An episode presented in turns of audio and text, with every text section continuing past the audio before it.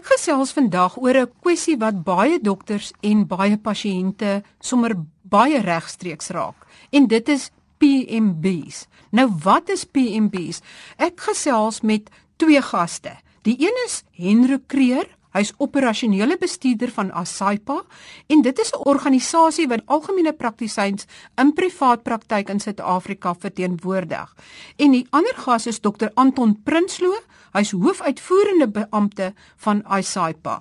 Wat is PMBs en watter siektes word daaronder gesorteer? Goeiedag Marie, Anton baie dankie vir die geleentheid om te praat met jou. Die PMB's of in Afrikaans praat hulle van die voorgeskrewe minimum uh, voordele.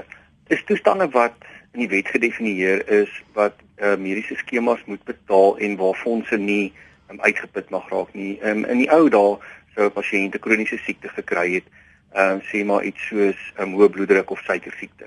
En dan so hierso in die die 10de maand of die 11de maand van 'n jaar, dan sou hulle voordele vir medikasie en vir sorg van daardie toestand opgeraak het en dan sou 'n fonds uh, net gesê het hulle gaan nie verder betaal nie en dan moes die pasiënt vir daai 2 maande op sy eie stoom reggekom het wat baie keer dan gebeur het dat hulle geen medikasie gebruik het nie of hulle moes dan sê maar van klinieke in die straat gebruik gemaak het en dan in Januarie dan sou daai pasiënte weer teruggekom het um, na die dokter toe of na die apteek toe om om medikasie en so verder te kry.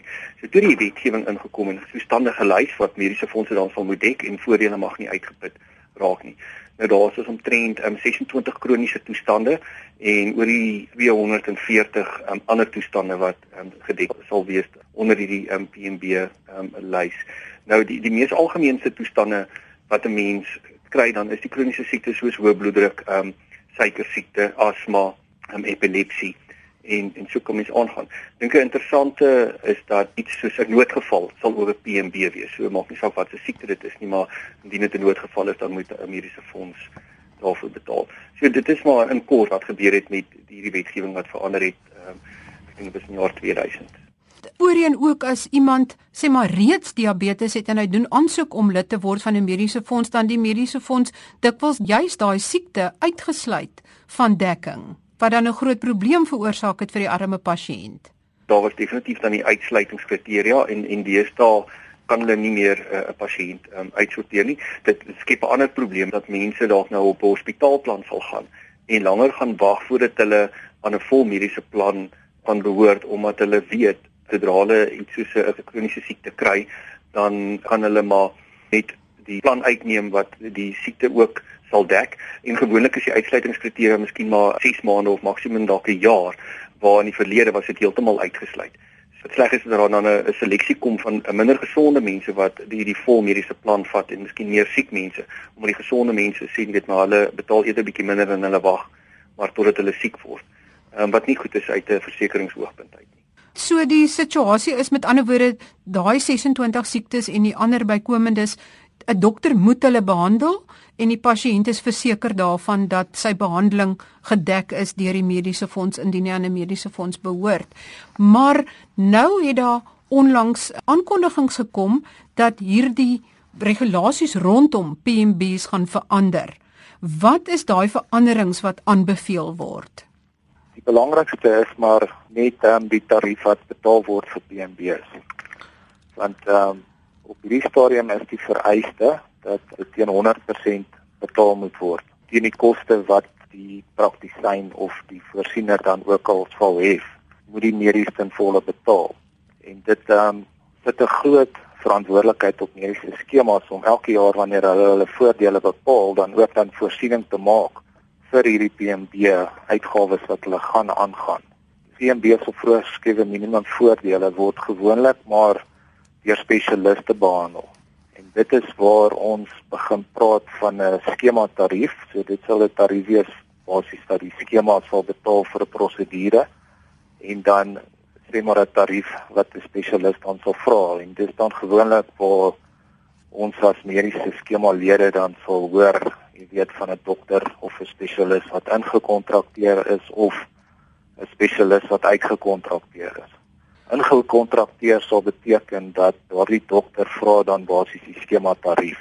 So wat ook al die skema dan betaal, sal daardie dokter net daardie tarief vra. Uitgekontrakteer sal daardie dokter dan vir die pasiënt sal moet sê daar gaan 'n bybetaling wees. So jou skema gaan 'n sekere gedeelte betaal en dan gaan jy nog steeds verantwoordelik wees vir dit wat oorbly wat die skema dan nie betaal nie. So die pasiënt sal 'n bybetaling moet maak. Ja, daar kom die probleme in want nou weet sê die wet ons moet nou die die verbruiker beskerm, die mediese skema lid. So die fonds moet nou daardie uitgekontrakteerde fooi ook betaal. Die pasiënt mag nie verantwoordelik um, gehou word nie. En dit maak dit eintlik baie moeilik vir mediese skemas om behoorlik te begroot in 'n voordele jaar. Want hoeveel gaan hierdie voorgeskrewe minimum voordele hulle hulle werklik nou kos? Die nuwe wet op mediese skemas maak dan nou ook voorsiening dat weer die mediese skemas dan nou netwerke van voorsieners kan aanstel waarmee hulle kontrakteer om 'n sekere tarief te vra net om dan sekerheid te hê wat gaan hulle moet betaal vir sekere prosedures net om aan sekerheid te gee sodat hulle ook hulle begrotings na behoore kan opstel. En volgens hierdie nuwe voorstelle, hoeveel minder is hulle bereid om die dokters te betaal of die diensverskaffers te betaal vir die behandeling van dan daai sekere toestande? Is dit nou 80% van voorheen of hoe het hulle dit uitgewerk? Hulle sê nie spesifiek wat se tarief moet betaal word nie. Ek dink daar word melding gemaak van die ou National Health Reference Price List wat skemas gebruik het en dan pas hulle dit jaarliks aan met inflasie. Maar hulle sê dan ook dat hierdie tariewe kan onderhandel word met die voorsieners.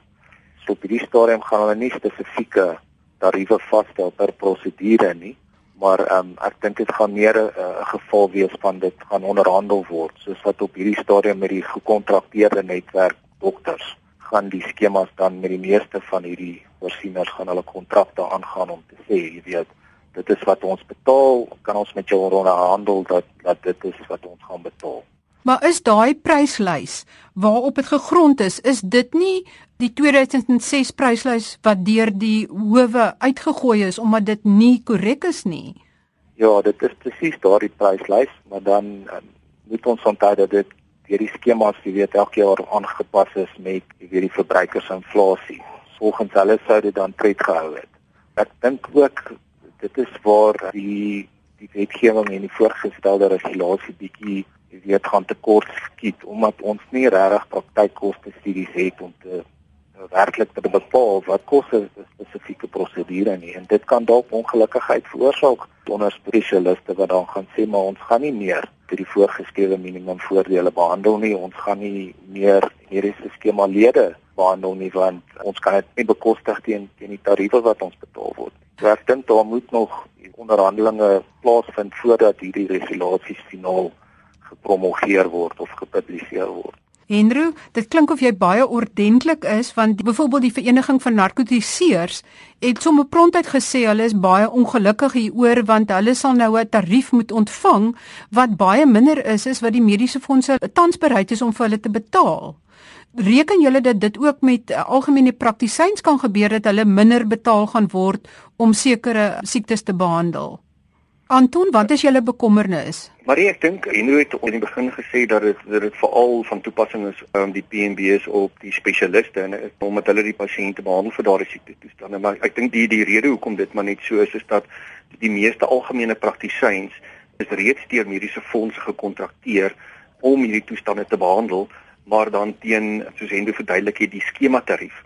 So in praktyk is die algemene praktisyn verseker daarvan dat sy rekening gaan betaal word indien dit 'n PMB is, maar die koste daarvan is dan um, ooreengekom en die fondse kon dit dan gebruik het om 'n beplanning te doen.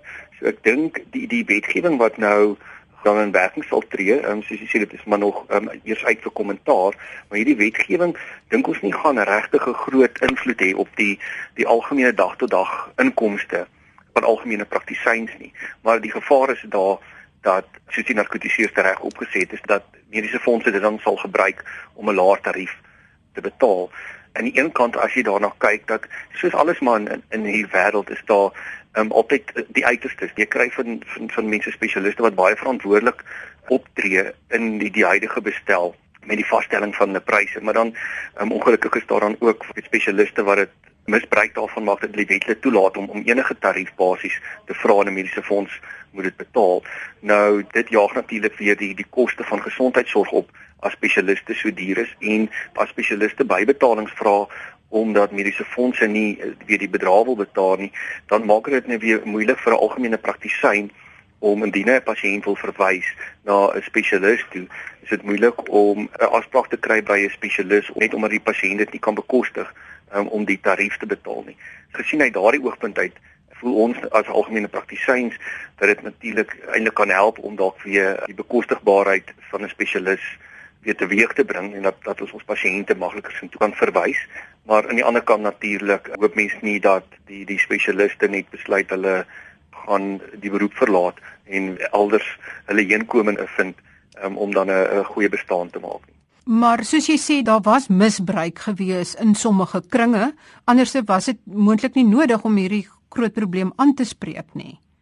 Ja, dit was en ek dink baie van die fondse het al begin om ehm um, netwerke met spesialiste te vorm en waar hulle dan sê maar um, 100 of 200% van skema tarief um, sal betaal en daar's definitief spesialiste wat hierdie kontrakte geteken het wat dan help om dit bekostigbaar te maak. So ehm um, baie keer is dit maar net ongelukkig dat weet wetgewing kom in ook om 'n probleem aan te spreek wat eintlik net van toepassing was vir sekere uh, gebruikers van die wet maar nou word almal maar dan oor dieselfde kam geskeer word.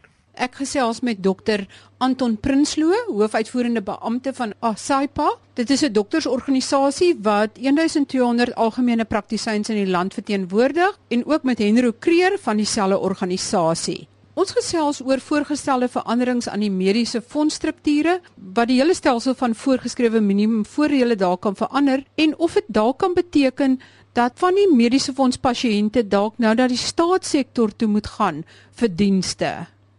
So dit sal nie 'n kwessie wees dat pasiënte wat nou by mediese fondse is nou vir sekere behandelings nou na die staatssektor toe moet gaan nie. Julle voorsien nie dat dit nou skielik gaan gebeur nie of is dit 'n moontlikheid? Dit kan gebeur en die wet op mediese skemas maak ook daarvoor voorsiening die die raad vir vir mediese skemas maak ook daarvoor voorsiening dat mediese fondse wel 'n DSP, 'n designated service provider dat hulle dit die staat kan maak. Dan die laagkoste opsies in mediese fondse maak wel gebruik van die staat as hulle um, aanbevole netwerk.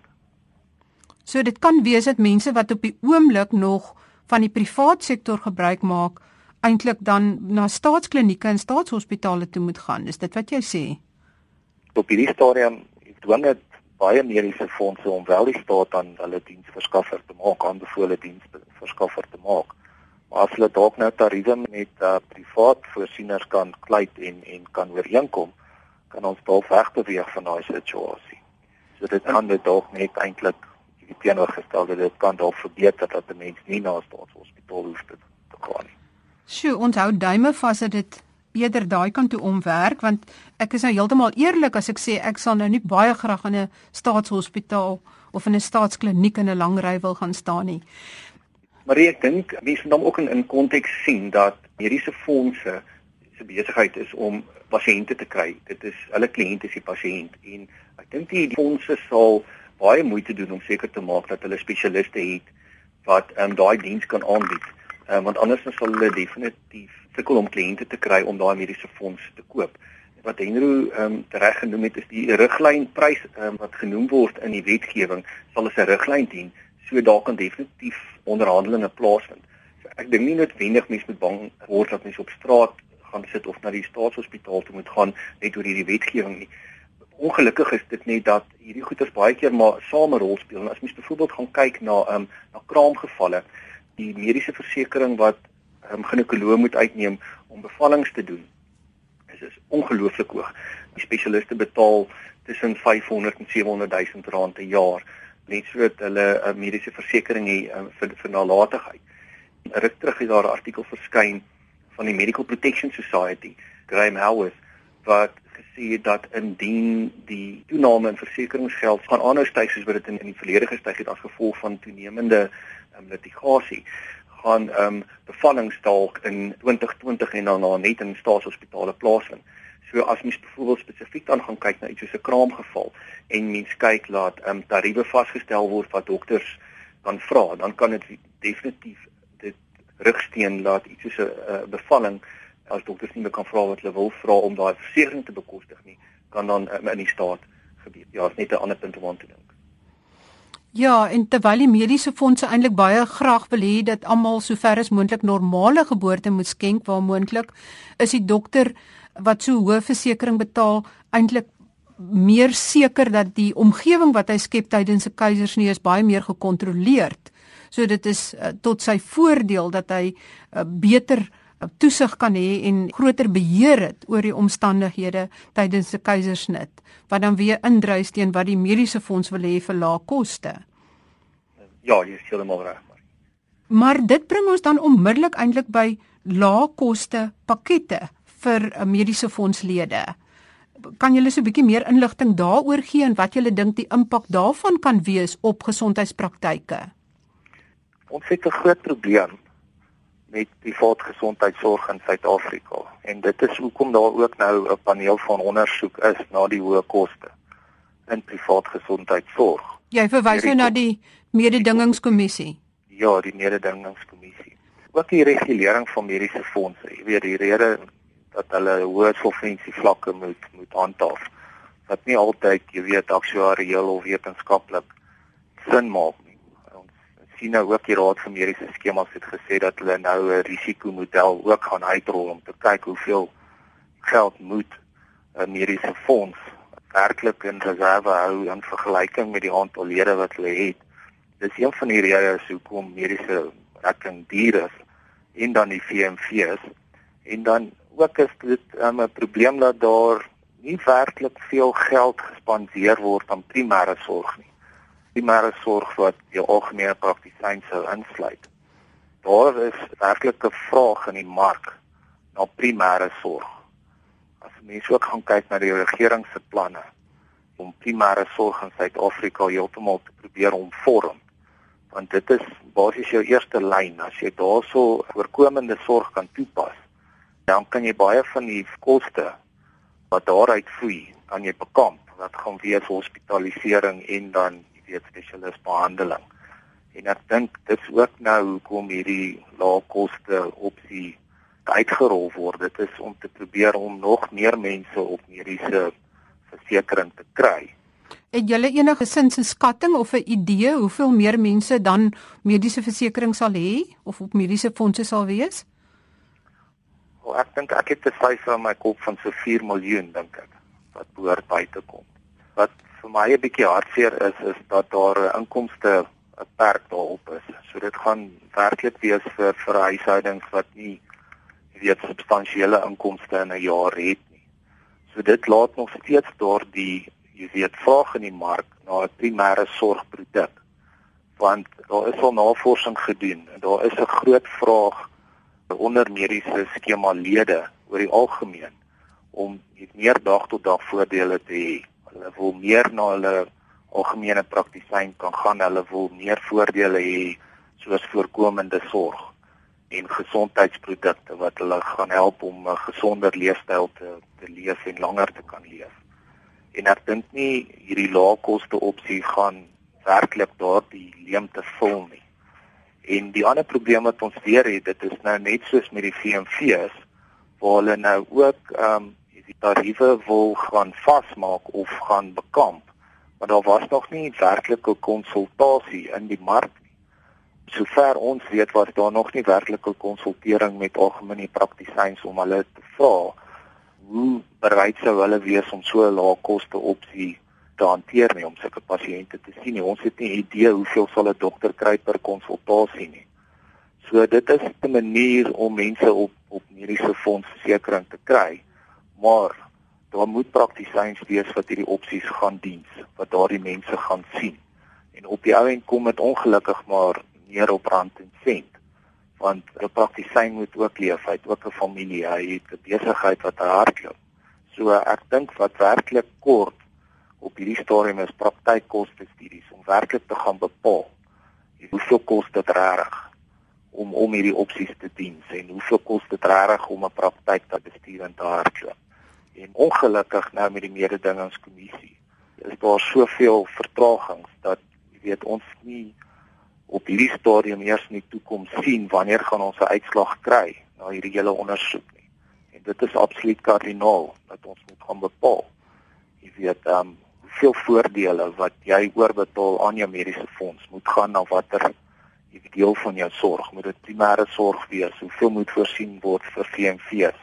Wat moet solvensie vlakke wees? Vra hospitale te veel? Vra spesialiste te veel? Waar is die uitskieters? En voor ons nie daai geheelbeeld het nie, dink ek nie gaan ons vinnige oplossings sien nie. Het ISAPA self nie uh studies gedoen oor wat is die werklike koste om 'n algemene praktisyn se praktyk aan die gang te hou nie? Marie, daar was praktykkoste studies gedoen in die sektor, ehm um, juis in die die tyd hier van ehm um, 2006 toe die die meganisme wat voorgestel is om pryse vas te stel die van koste um, studies is. En dink wat gebeur het is dat die die koste studies het gewys dat op daardie stadium was praktisyns ver onderbetaal en ek dink die verhoging wat in die volgende jaar moes plaasgevind het moes iets gewees het soos 25% en dit was dan aktueel bereken en toe het die um, staat toe hulle met hulle verhoging gekom het net omtrent 'n 15% verhoging aangebring. So wat ontmoedigend is is dat baie van die dokters het moeite gedoen om die die vraelyste in te vul en toe die verhoging deurkom en dit is nie wat um, aktueel bereken is dit die koste sou wees nie het dit hulle daarna eintlik ontmoedig om weer deel te neem aan hierdie vraelyste omdat die gevoel maar net was jy weet wat help dit ons vir die goeders in en tog ehm um, neem die regering dit nie in ag wanneer daar ehm um, verhogings in plaas gevind het nie. 'n Verdere punt oor die, die laagkoste opsies wat uh, nou voorgestel word in die wetgewings dat VMV's of die PMB's is nie ingesluit in die um, in hierdie produk nie en dit maak dit natuurlik um, baie goedkoper vir 'n mediese fonds om so 'n produk te kan hê en dit sal dan maak dat meer pasiënte daaraan deelneem. Die vraag is natuurlik net dat geld wat gespaar word deur 'n goedkoper produk in in die mark in te stoot, dit gaan daai geld gebruik word om goeie gesondheid te bevorder of is dit net geld wat binne 'n reserve van 'n fonds gaan moet lê? Maar as die voorgeskrewe minimum voordele nie ingesluit is in hierdie pakket nie, wie moet dit dan lewer? Die staat? Ja, hierdie laagkoste opsie wat nou weer aankom, is is ook maar weer dink ek ook van die regering se kant af gaan ons nou nog 4 miljoen mense op privaat gesondheidsorg plaas wat groot druk weer gaan afneem van die staat af. My persoonlike opinie weer eens is as die regering daardie geld wat hulle in, hy belastinggeld direk net so oorbetaal in die privaat sektor na sema algemene praktisyn gaan ons baie beter uitkomste sien. Ons gaan baie meer mense sien wat by 'n uh, algemene praktisyn uitkom wat behandeling gaan kry. Ek dink die private sektor kan daardie geld baie beter gebruik as as wat dit op hierdie stadium in die staat gebeur.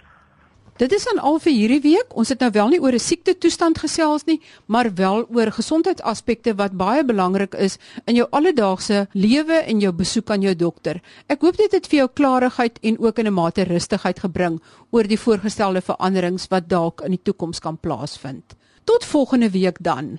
Totsiens.